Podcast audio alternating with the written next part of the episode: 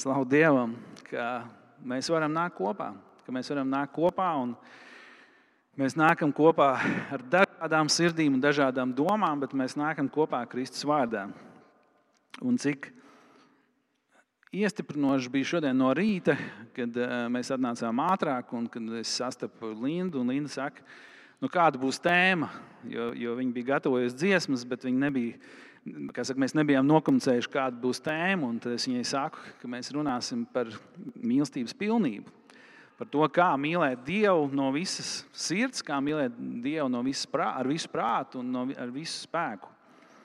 Viņa saka, nu brīnišķīgi, man tieši ir dziesma izvēlēta tieši tāda, kur ir šī raksturvieta, kur mēs dziedam par to. Un tas ir tik iedrošinoši, ka svētais gars viņš jau, viņš jau sagatavo mūs, viņš jau dara. Tad, kad mēs esam aizmirsuši aizsūtīt kādu ziņu, viņš ir tas, kas jau sagatavo, lai mēs jā, esam vienoti un ka viņš atklāja. Tas bija brīnišķīgs iedrošinājums no rīta. Sākšu jums, gribu jautāt tādu jautājumu. Vai jums ir dzīvē nācies mācīties mīlēt? Tas liekas tāds dīvains, dīvains jautājums, nu kā mācīties mīlēt. Tagad, esat, tagad mēs arī esam bērni, kad mēs esam mazi bērni. Mums šķiet, ka nu, mīlestība ir kaut kas, kas mums pienākās no mūsu vecākiem.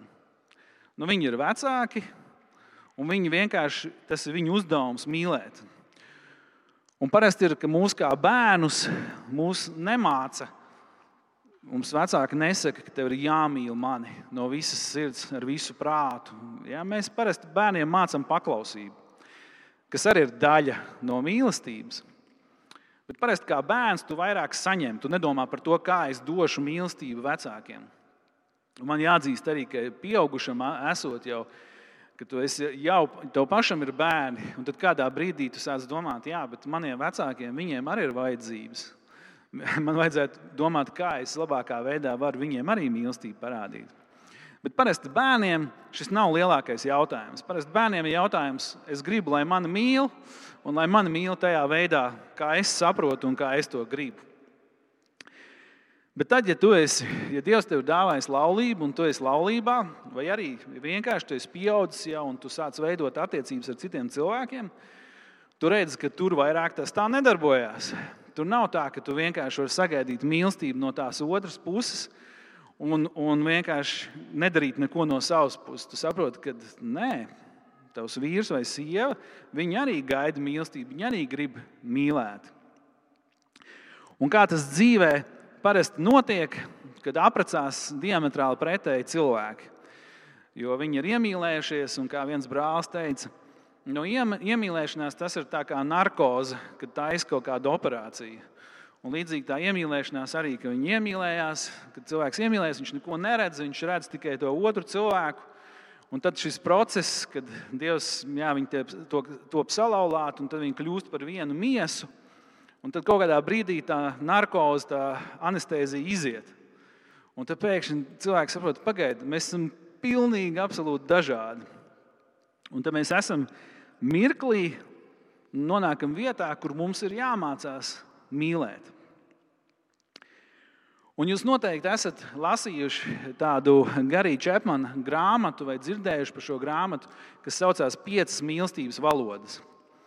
Un viņi runā tieši par to, viņi ļoti labi noraksturo to, ka ir dažādas mīlestības izpausmes, kuras mēs piedzīvojam vienkārši kā cilvēki vai laulībā esot, vai draudzībā esot. Un dažas no šīm izpausmēm mums, kā cilvēkiem, parasti ir tuvākas un vieglāk saprotamas. Un šīs piecas mīlestības izpausmes tur ir apliecinājuma vārdi, ja, ka mēs mutiski apliecinām savu pieķeršanos, savu mīlestību. Tur ir kopā pavadīts laiks, tāds īpašs laiks, kvalitīvs laiks, ko mēs veltam viens otram. Tur ir dāvanas, Un šeit neiet runa par pēdējo iPhone vai kaut ko dārgu, bet vienkārši par dāvanu, kas parāda nu, kādu pieķeršanos. Un tur ir mīlestības darbi un vēl fiziski pie, pieskārieni.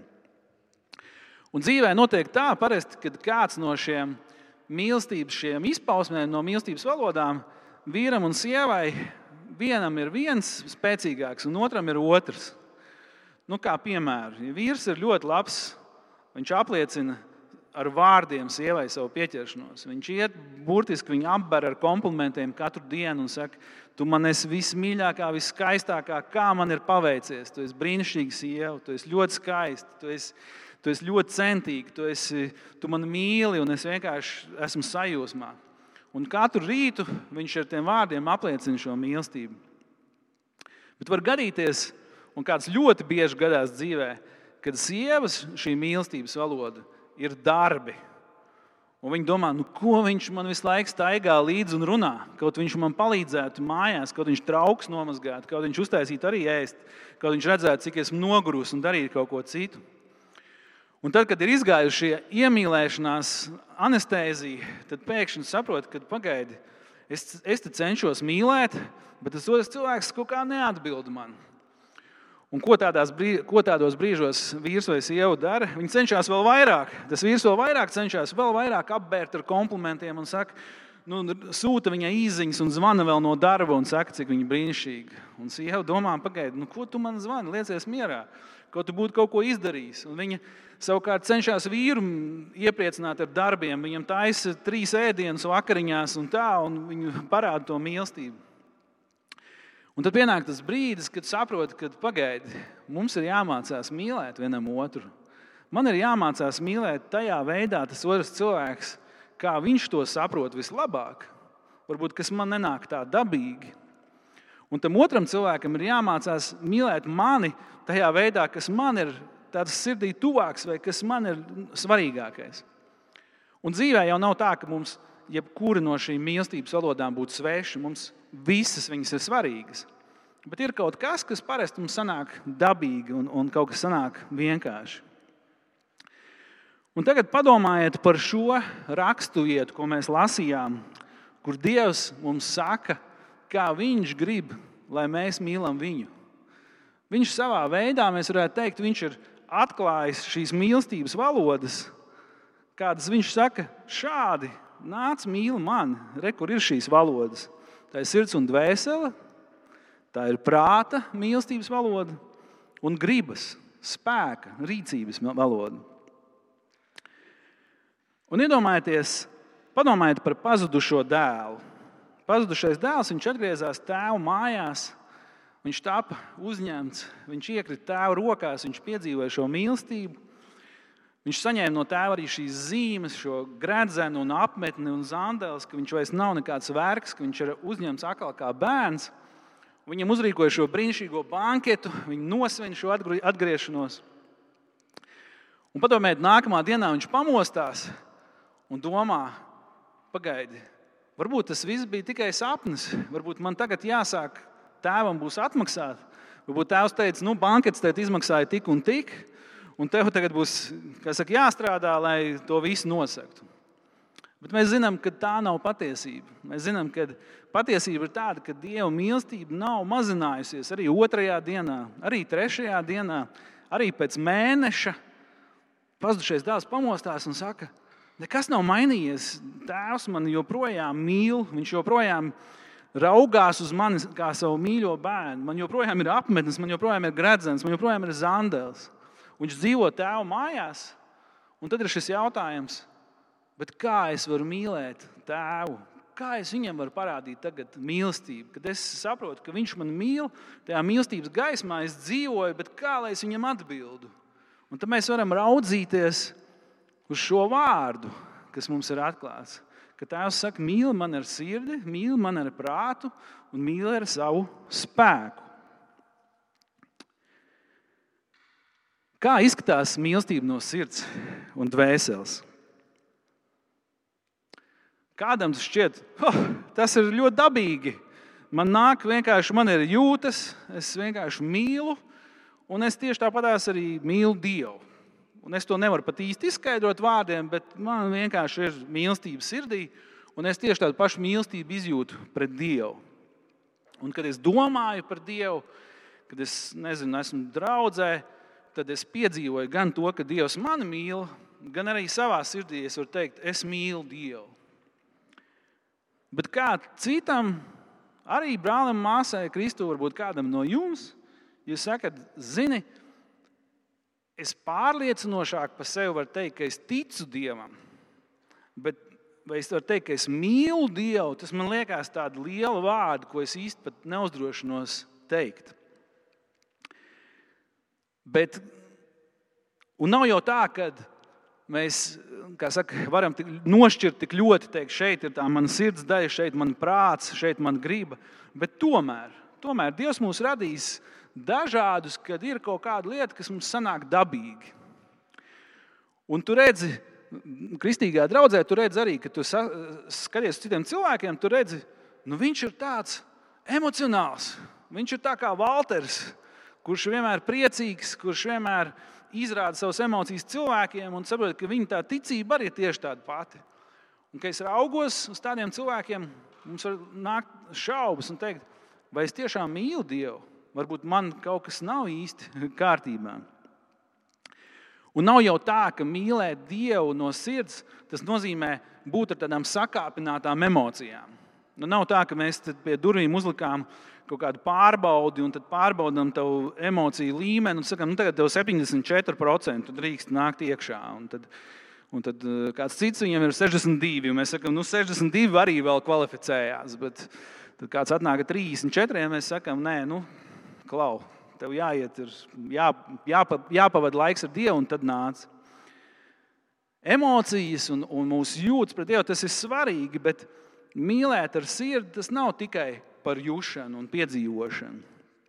Svarīgākais ir tas mūsu fokus. Svarīgākais ir tā, vai mūsu sirds ir pieķērusies Dievam, vai Dievam ir šī ekskluzīvā vieta, kas viņam pienākās. Nu, kaut kādā ziņā mēs varētu to salīdzināt ar laulību un teikt, ka nu, ir vīram un sievai, un sievai un vīram vienam pret otru ir kaut kāda ekskluzīva vieta, kur teikt, nu, šī vieta pienākās tikai tai otrai pusē. Es nevaru tā kā teikt, nu, es iešu kaut kur citur, arī meklēšu kaut kādu piepildījumu, ko tam otram cilvēkam vajadzētu dot man un ko man vajadzētu dot viņam. Un līdzīgi ar Dievu, kad mēs varam teikt, tas jautājums ir, vai es tiešām varu teikt, ka manas sirds un dvēseles pielūgsmes, godināšanas, iepriecinājuma, mierinājuma, jēgas, piepildījuma avots, tas ir Dievs. Vai man sirds tiešām ir pieķērusies?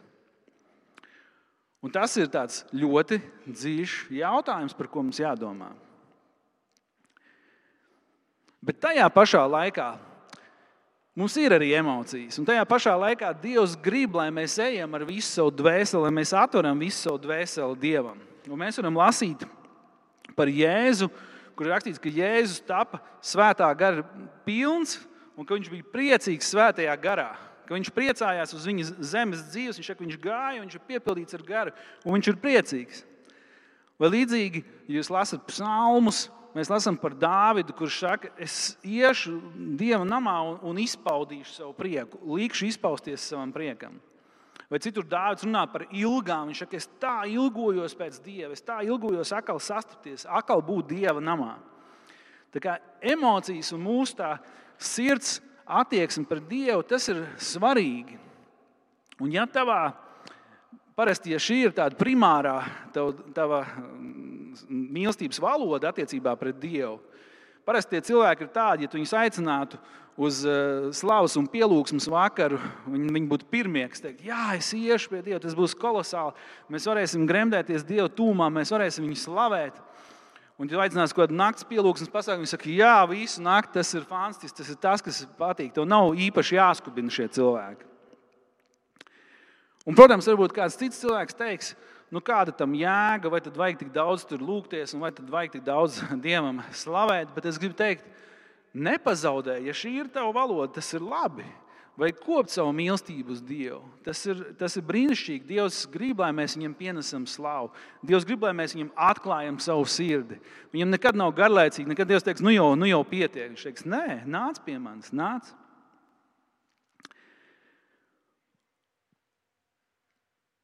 Tie, kuri no jums varbūt šaubās, vai jūs esat bijuši kaut kādā situācijā, kad jūs sakat, nu, salīdzinot manu ticības dzīvi ar kādu citu blakus, es īsti par šo mīlestību ar sirdi nesaprotu, vai es neesmu īstā piedzīvojis. Es ticu Bet tas ir tā pavisam savādāk. Man, es nevaru teikt, ka es jā, stipri mīlu Dievu. Es baidos no šiem vārdiem.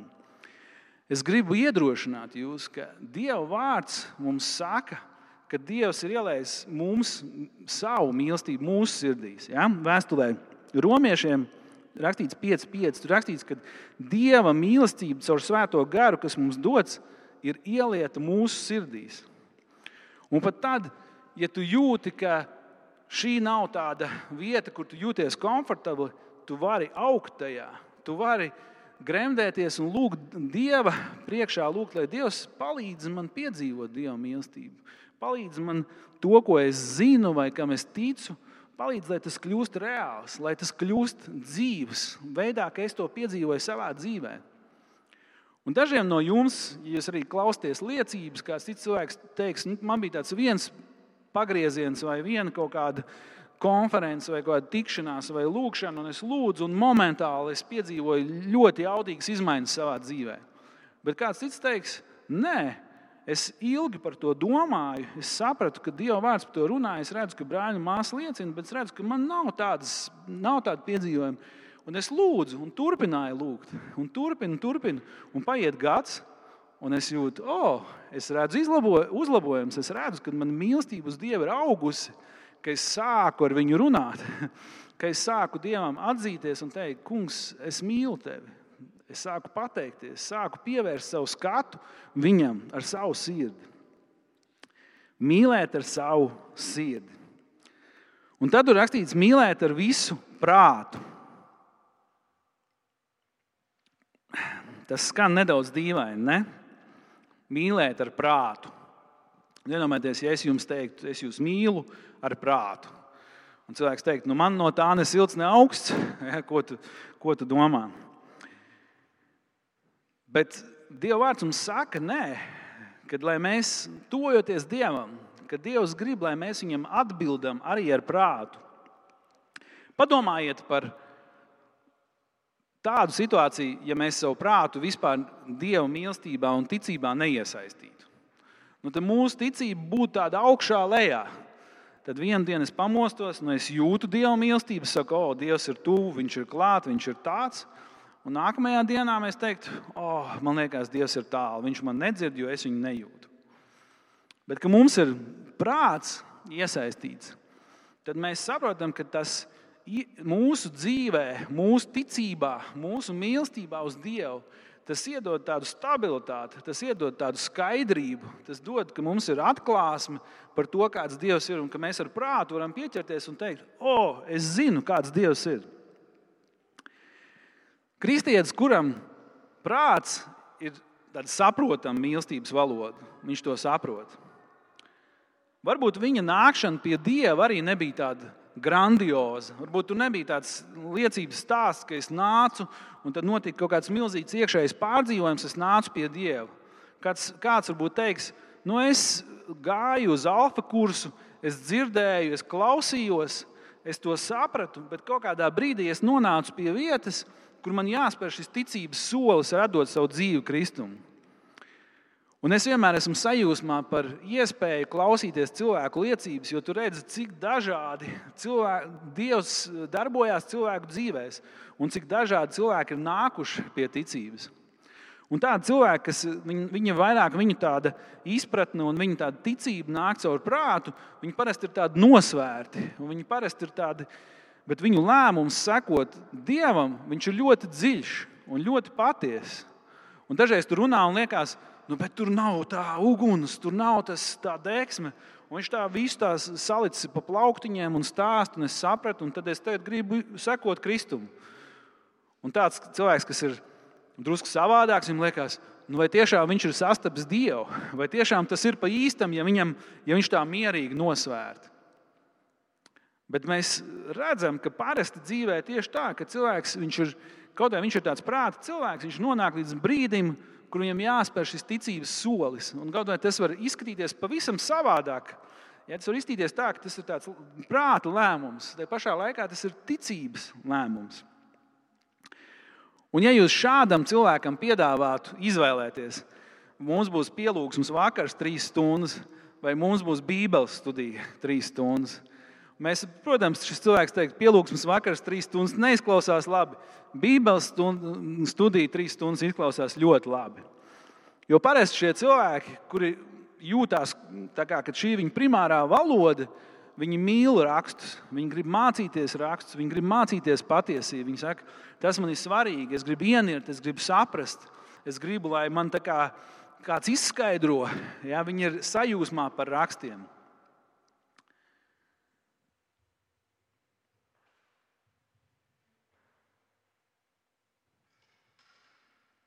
Jā, kā izskatās mīlestība ar prātu? Mīlēt Dievu ar prātu. Raksti, ja mēs Dievu iepazīstam caur svētajiem rakstiem.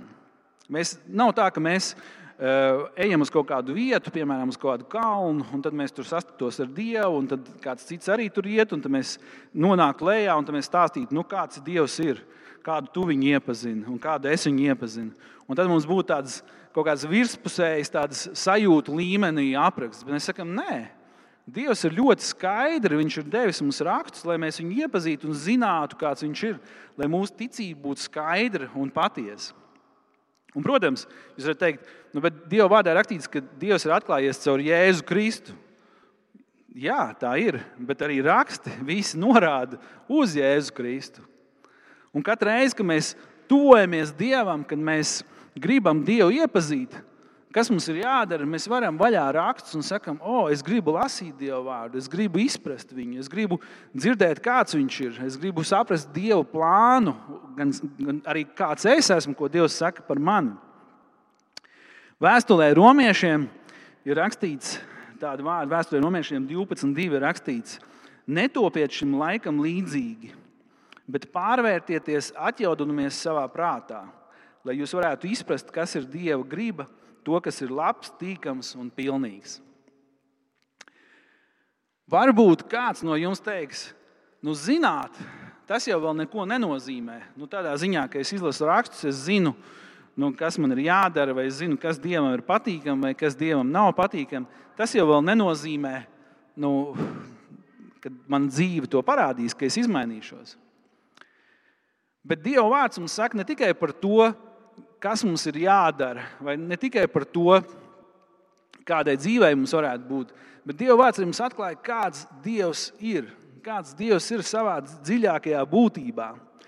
Un tiem cilvēkiem, kas piedzīvo Dievu primāri ar prātu, viņi piedzīvo to, ka tad, kad viņi domā par Dievu, kad viņi iedziļinās Dievā, kad viņi domā, kāds Dievs ir, kāda ir Dieva īpašības, Vai viņi domā par to, ko Dievs ir atklājies, kāds ir viņa glābšanas plāns, ka viņi to pārdomā savā, savā dzīvē, pārdomā, tur radās viņiem tā sajūsma, tur radās tā ticība. Un tas ir kaut kas, ko es iedrošinu tos, kas varbūt tā liekas, nu, mīlēt ar prātu, nu, tas tā reliģiski varbūt pat, varbūt kaut kā tā augsti Es iedošanu, ka Dievs saka, nē, nāc, iepazīsti mani.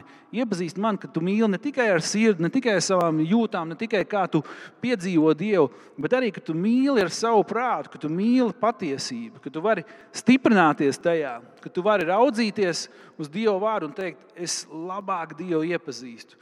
Es piedzīvoju viņu tagad labāk. Mums, mēs, Dieva vārdā ļoti daudz rakstīts arī par to, ka atcerieties Atceries to, piemini, atceries. Tas visu laiku tāds prāta vingrinājums, ka tev liekas, o, man ir jāatcerās, man ir, man ir jādomā par to. Mēs arī baudām maizi un vīnu. Ja? Mēs atceramies, mēs pieminam to, ko Jēzus ir darījis. Un mēs domājam arī par to, ka Kristus nāks. Un, šīm, un mēs domājam par šīm abām lietām, darot kaut kādu fizisku lietu, baudot maizi un vīnu. Bet mēs domājam, lai atcerētos, lai mēs domātu, lai, lai mēs būtu koncentrējušies uz Dievu. Vai tā ir mīlestība, ja tu ar prātu pieņem lēmumu, ka es darīšu kaut ko, es tad izdarīšu pareizas lietas, tāpēc, ka es mīlu Dievu, kaut gan iekšēji man ir vēl cīņas, un man ir kaut kādas šaubas par to visu. Vai tā ir mīlestība? Es jums došu piemēru no savas dzīves nedaudz kauns teikt šo piemēru, bet es jums izstāstīšu. Es dzīvoju vietā, kur man jābrauc iekšā sētā, mājas sētā, un tur ļoti daudz cilvēku parko savas mašīnas pie manām mājām. Un ļoti bieži ir tā, ka es piebraucu un es gribu iegriezties, un es saprotu, ka es nevaru. Un reiz ir tā, ka es braucu ārā un es nevaru izbraukt, un kāds tur ir nolicis, varbūt tā, ka es varu, bet tad man jāsauc kāds palīgā, un tad mēs tur stumdamies tur šitā, uz turpu, šurpu, ja, un beidzot es tieku ārā. Un es jums atzīšos, ir bijis tik daudz reizes, kādas man ir bijušas idejas galvā, kā es varētu šiem cilvēkiem, kas ir nolikuši mašīnu, nedomājot par mani, ka man jābrauc ārā, nu, ko es varētu darīt. Nu, varētu ar naglu kaut ko ieskrāpēt, ja? vai varētu uzrakstīt kaut kādu riebīgu uh, zīmīti un atstāt uz loga. Vai varētu nu, no kaķa kastes paņemt kaut kādu sveicienu, atstāt vai nu, kaut ko tādu. Un ļoti bieži bijis tas, kad ir es saprotu, ka nu, man iekšā ir kaut kāda cīņa, un ka es iekšā vēl cīnos, bet tāpēc, ka es mīlu Dievu, es ar prātu pieņemu lēmumu. Es saku, nē, es nedarīšu neko. Es, es nesaukšu pašvaldības policijas, pagaidīšu vai izstumdīšos. Un liekas, nu, vai tas pa īstam? Tev taču vajadzētu justies tā, ka tu mīli to cilvēku un tu viņu gribi svētīt. Bet dažreiz tā nav. Dažreiz mūsu mīlestība izpaužās tā, ka mēs sakām, tāpēc, ka es mīlu Dievu, es darīšu pareizās lietas, kaut gan iekšēji es vēl cīnos, es iekšēji vēl neesmu tur. Mīlēt Dievu ar prātu. Un tad tur ir rakstīts, ka vēl kā Dievs aicina mūs mīlēt, ir ar visu spēku, ar gribu, ar izvēlēm. Tiem no jums, kuriem šī daļa ir tāda dabīga. Jūs sakat, ok, šito es, šito es beidzot saprotu. Ir tā, ka droši vien jūs domājat, būtu labi, ja mēs sanāktu kopā, lūkšanas un slavēšana 15 minūtes, svētru un 25 minūtes, un tad mēs ejam darīt kaut ko. Tad mēs parādām tiešām, ka mēs esam kristieši, parādām darbos. Un dažiem no jums ir saprotama šī darīšana, šie mīlestības darbi, jo Dieva vārds daudz runā par mīlestības darbiem. Un, ja kāds jūs aicinātu uz pielūgsmes vakaru, jūs sakat, nu, ok, cikos viņš beigsies, cikos sāksies, cikos beigsies. Vai ja kāds jums aicinās uz Bībeles studiju, jūs sakat, nu, parasti trīs minūtes ir mana mentālā kapacitāte, un tad viss, tad āmen, un mēs ejam, darām kaut ko. Un tas nav slikti. Un es tā kā nesaku to, kā sarkasmu vai ko es saku, tas ir labi. Mēs varam ar smaidu viens uz otru skatīties. Bet labi, ka Dievs tādus cilvēkus darīs. Un labi, ka Dievs ir līdz tāds cilvēks arī draudzes miesā. Jo savādāk mēs tiešām, ja mēs visi būtu vienādi, mēs tā kā trīs stundas pielūgtu un tad neko neizdarītu arī. Bet slavu Dievam, ka Dievs ir devis mums dažādas, veidojis dažādas. Bet vēstulē Efeziešiem, Efeziešiem 2.10 ir rakstīts, jums ļoti zināmā šī raksturvieta. Mēs paši esam viņa darinājums Kristu Jēzu, radīti labiem darbiem, kurus Dievs iepriekš sagatavojis, lai mēs tajos dzīvotu. Mēs esam radīti labiem darbiem. Nu, kā tas izpaužās? Tas izpaužās tā, ka Dievs jau ir sagatavojis tos darbus, ko Viņš vēlās, lai es daru otrdien, ko Viņš vēlās, lai es daru ceturtdien, un nākamā sestdien un svētdien. Viņš jau mūsu dzīves gājumā ir sagatavojis, un ka man ir iespēja to izdarīt.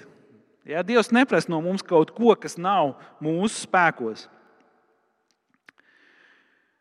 Un darbi ir ļoti svarīgi. Mīlestības darbi ir ļoti svarīgi. Un, un ir tā dažreiz, ka varbūt, varbūt arī jūsu dzīvē kaut kādas līdzīgas lietas jūs pamanāt, ka šķiet, ir, man ir viegli mīlēt Dievu ar sirdi.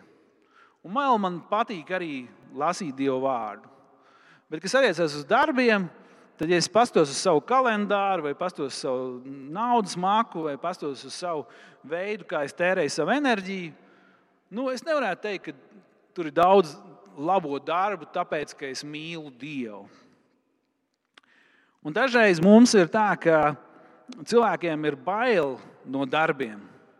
Jo liekas, nu, tikai nesajauc ar bauslības darbiem. Jā, nesajauc ar to, ka ne, neesi tā kā šis vecākais brālis šajā stāstā par pazudušo dēlu, kurš visu laiku centās pierādīt ar darbiem dievam savu mīlestību, tēvam savu mīlestību. Jā. Mums dažreiz ir bail, ka nē, nu, par darbiem nevajag runāt, jo mēs no žēlstības esam glābti, no žēlstības esam Dievu pieņemti, no žēlstības esam mīlēti.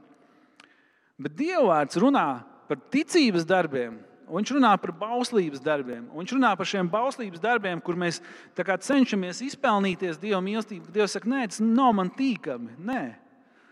Bet tajā pašā laikā Dievs arī runā par ticības darbiem, kur, ko mēs darām aiz mīlestības. Mēs sakām, tāpēc, ka es mīlu, es gribu to darīt. Tāpēc, ka es mīlu Dievu, es gribu šeit nodoties, es gribu savu enerģiju ielikt. No vietas, kur mēs mīlam Dievu, mīlēt Dievu ar sirdi, mīlēt Dievu ar prātu un mīlēt Dievu ar darbiem, ar izvēlēm, ar spēku. Cik labi mīļie, ka mēs varam dzīvot atjaunotās attiecībās ar Dievu ka mēs varam dzīvot attiecībās, kur mēs esam pieņemti, kur mēs esam mīlēti, kur mēs esam bijuši pazuduši un tagad mēs esam Dieva bērni. Cik labi, ka mēs vairs neesam vergi, ka mēs neesam grēka vergi, ka mēs varam nostāties pretī grēkam un ka mēs piedaram tagad Dievam. Cik labi, ka mēs varam zināt, ka Dievs mūs ir pieņēmis, ka Dievs mūs mīl, ka Dievs raugās uz mums kā uz saviem mīļotajiem bērniem. Tie no jums, kas esat Instagram vai, vai kādos sociālos mēdījos, jūs noteikti esat pamanījuši, ir tādi eh, tādas pārraides tādi kanāli, kurus veido fotografi. Viņi iet uz, iet uz uh, ielas un vienkārši satiek kādu cilvēku un saka, es tevi gribu nofotografēt, jo tu ļoti labi izskaties. Un tad viņi uztaisīs tās fotogrāfijas, un, tā, un tas rezultāts ir fantastisks. Un tie cilvēki, parasti, pie kuriem pieiet, viņi ir tādi parasti cilvēki, ikdienišķi. Bet tas fotogrāfs uztaisīja tik labu bildi, viņš uzliek tik labu filtru, ka tu skaties un domā, wow, cik skaists cilvēks. Un parasti tie cilvēki ir tādi, kuriem pieiet, viņi ir tādi pārsteigti. Es, tu gribi mani fotografēt, nu, tas taču, es taču neesmu nekāds modelis, nekas. Bet es fotografs iedošu, viņš saka, nē, es fotografēju taisnu vienkārši cilvēkus. Un tas rezultāts, ko tu pēc tam skaties, liekas, nu, tiešām ļoti skaists cilvēks. Es vakar skatījos vienu šādu fotogrāfu, un tur bija kāds kungs, kuram bija 81 gads. Un tad viņš sa safotografēts un, un rāda to rezultātu, un tev liekas, nu, tik nu, fantastiski skaists cilvēks. Un mīļā, Dievs uz mums skatās caur šo Jēzus filtru. Viņš raugās uz mums tieši tāpatās, kad mums, ka mēs ejam pie viņa, kad mē, viņš raugās uz mums, uz mums ir uzlikts šis Jēzus filtrs, kad mēs paši nespējam noticēt, vai tiešām nu, tas ir par mani, vai tiešām tu vēlies mani. Bet, kad Dievs saka, nē, viņš ir uzlicis mums šo Jēzus filtru. Un no šīs vietas, kur mēs esam mīlēti, tikai no šīs vietas, kur mēs par to domājam, kur mēs tuvojamies Dievam, vēlreiz esam sajūsmā, priekā par to.